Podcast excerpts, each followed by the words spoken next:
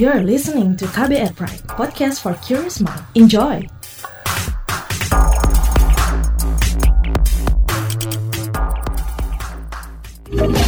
Kamu lagi dengerin What's Trending KBR Pagi. KBR Pagi, siaran pagi radio paling update. Selamat pagi, apa kabar Anda hari ini di hari Kamis 5 November 2020? Ketemu lagi dengan saya Don Brady di What's Trending KBR Pagi yang selalu ngobrolin satu hal yang lagi ramai diperbincangkan. Pagi ini kita ngobrol soal pengaruh aksi boykot produk Prancis. Jadi, seperti kita ketahui kalau seruan untuk memboikot produk-produk Prancis ramai di media sosial, gak hanya di dunia maya sebenarnya, tapi pemboikotan sudah menjadi aksi di beberapa tempat seperti sweeping produk-produk Prancis di pertokoan oleh kelompok ataupun organisasi masyarakat. Kepolisian bahkan menyiapkan pengamanan di sejumlah daerah menyikapi ramainya ajakan untuk memboikot produk-produk dari Prancis ini. Juru bicara Mabes Polri Awi Setiono mengatakan pihaknya telah menyiapkan cadangan kekuatan di sejumlah daerah untuk mengantisipasi jika terjadi situasi yang memanas. Aksi ini dipicu pernyataan Presiden Prancis Emmanuel Macron karena dinilai menghina dan melukai perasaan umat Islam dunia. Sementara Presiden Joko Widodo mengecam pernyataan Macron dan mengajak dunia mengedepankan persatuan dan toleransi beragama untuk membangun dunia yang lebih baik. Sebelum kita bahas lebih lanjut, kita simak dulu seperti apa komentar netizen plus 62 soal ini. Ini dia.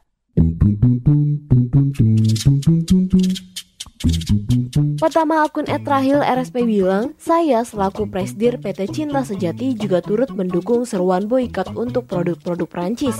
Akun Etrandiri Tonga bilang, bye-bye made in French product. Kalau akun Leo underscore nerd bilang, gak tega buat boykot produk Prancis. Akun BitTXI bilang, gak perlu repot-repot ikutan boykot produk Prancis. Karena ya dari dulu memang gak mampu beli. Akun Febrian Dirvan bilang, boykot produk Prancis, French fries, French kiss. Akun Lazy Potata bilang, inget banget dulu ada beberapa warga plus 62 bilang mau boykot produk Cina. Terus sekarang OTW ngeboykot produk Prancis. Udah bener harusnya Indonesia sakoku aja. Sedangkan akun @pp underscore Meksikola bilang, boykot produk Prancis bikin aksi rusakin produk Prancis yang tersebar di Indonesia dengan sebelumnya membeli dulu lalu dirusakin, di videoin, disebarin. Lalu boykotnya di mana? Terakhir akun @batagor tenggiri bilang, kalau mau boykot sana lo boykot produk yang emang diproduksi di Prancis. Dengan apa? Dengan tidak membelinya. Kalau lo boykot produk-produk yang diproduksi di Indonesia, terus karyawannya mayoritas orang Indonesia. Kalau itu ngaruh ke kerjaan mereka gimana?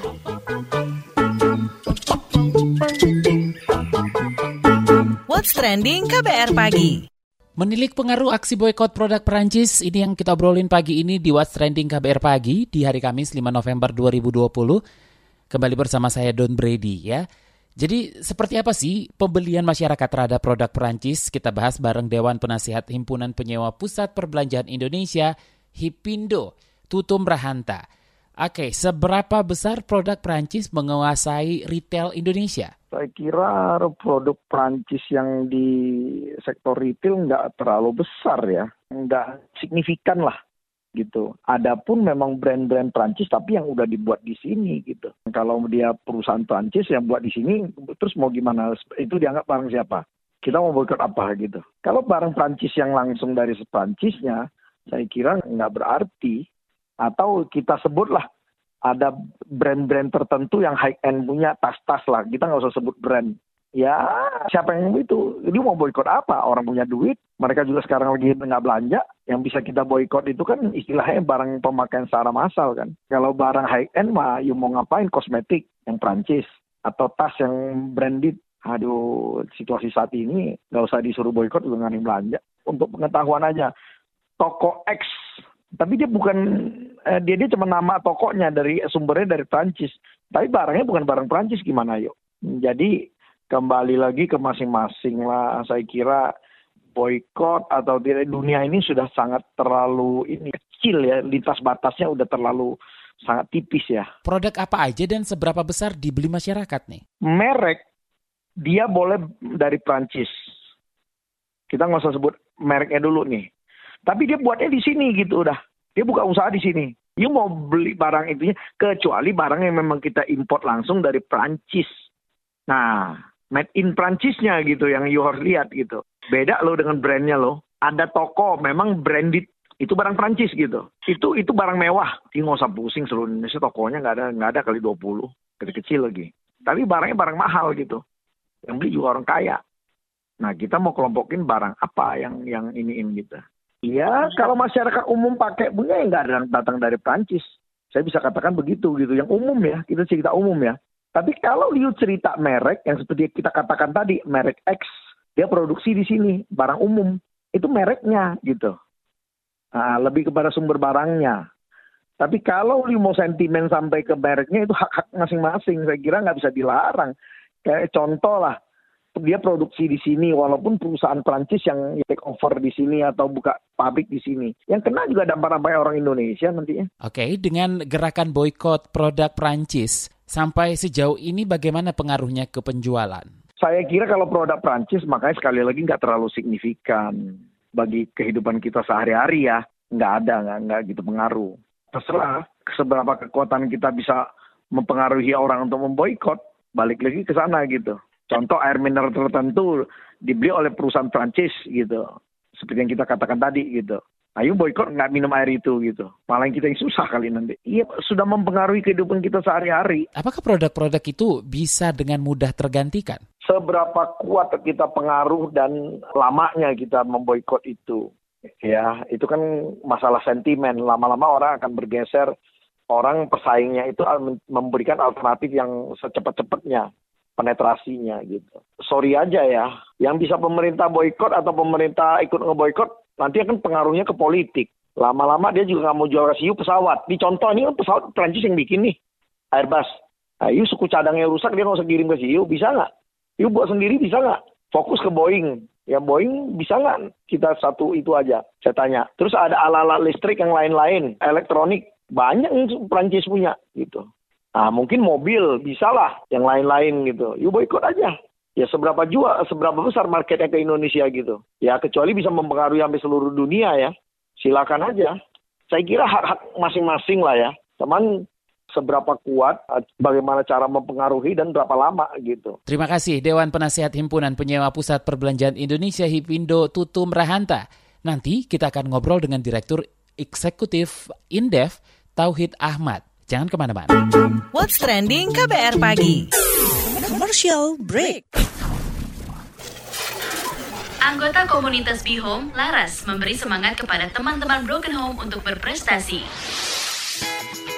kalian tidak sendiri dan keluarga yang patah bukan berarti menghancurkan hidup kalian semua. Buktikanlah bahwa anak broken home itu juga berprestasi dan bisa berkembang sebagaimana layaknya anak-anak di luar sana karena untuk menjadi anak yang berprestasi atau sebagai anak yang dicap nakal itu tidak hanya dari anak broken home, anak dari keluarga yang utuh bahkan dalam keluarga yang utuh namun di dalamnya banyak konflik pun itu bisa menyebabkan nakalan remaja lah istilahnya.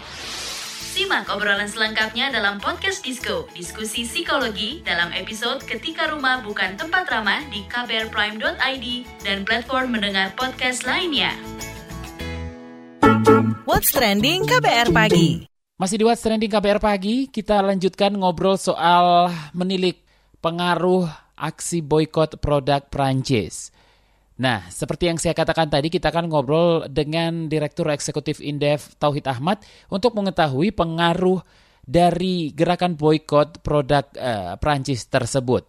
Oke, Mas Tauhid, terkait dengan gerakan boykot produk Prancis ini, apa aja sih pengaruhnya? Kalau kita lihat ya, kalau di kita mungkin tidak terlalu besar ya, karena pertama tentu saja dari sisi nilai produk-produk terpancis kecuali mungkin ya di industri makanan minuman ada, tetapi kan ada pengaruhnya kecil. Ada produk substitusinya, ada penggantinya dari katakanlah produk-produk negara produk serupa. Misalnya bagi kita sebenarnya kalau kita produk katakanlah bagi kita tidak terlalu pengaruh karena ada produk substitusi begitu. Kalaupun di boykot dan sebagainya masih ada pengganti lah begitu. Cari selera ya, itu lain. Tapi kalau secara umum kita misalnya memerlukan ini ya, ya paling kita ada penggantinya lah kan itu produk market yang ada biasanya second soal preferensi yang lain begitu ya. Biasa sih makanan dan minuman ya umumnya ya. Makanan bayi, kemudian beberapa merek besar lah untuk produk katakanlah produk-produk kenamaan dunia lah untuk katakan ya pakaian dan sebagainya, tas dan sebagainya lah. Itu yang menurut saya banyakkan sih seperti itu ya. Kalau di kita sih ya masih mungkin kan lah artinya tidak terlalu tergantung investasi Perancis di kita juga itu relatif kecil begitu ya. Eh, Perancis di kita juga relatif kecil. Kalau katakanlah perdagangan ya, kita lebih banyak impor daripada ekspor ke Perancis masih defisit kita.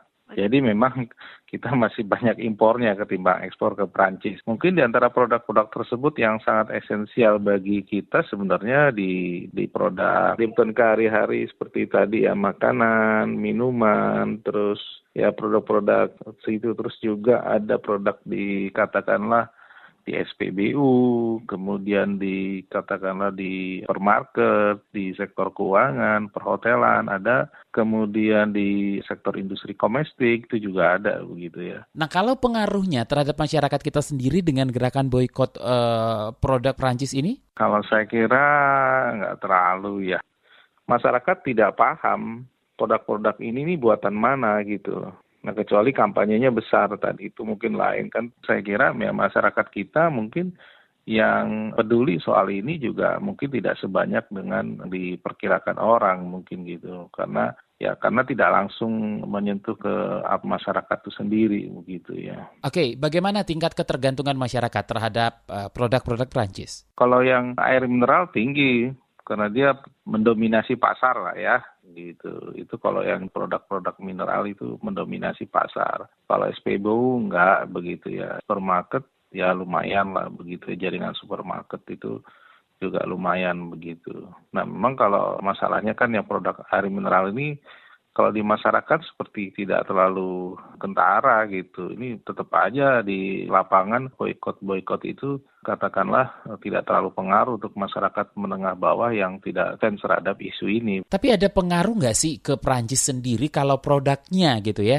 Ada yang diboykot sebagian masyarakat Indonesia? Ya pasti ada ya. Saya kira eh, kan nilai investasi walaupun tadi kan sekitar 20-an ya ke kita ya ke saya kira dengan nilai segitu saya kira pengaruh. Cuma kan harus dilihat di data Nielsen ya. Saya nggak punya akses data itu. Kalau Nielsen tuh bisa kelihatan market uh, market reviewnya per masing-masing produk itu berapa persen. Terima kasih Direktur Eksekutif Indef Tauhid Ahmad. What's trending KBR pagi? Demikian KBR pagi hari ini. Jika Anda tertinggal siaran ini, Anda bisa menyimaknya di podcast What's Trending yang ada di kbrprime.id atau di Spotify dan di aplikasi mendengarkan podcast lainnya. Dan berani undur diri, jangan lupa selalu pakai masker kalau keluar rumah dan patuhi protokol kesehatan. Besok kita ketemu lagi ya.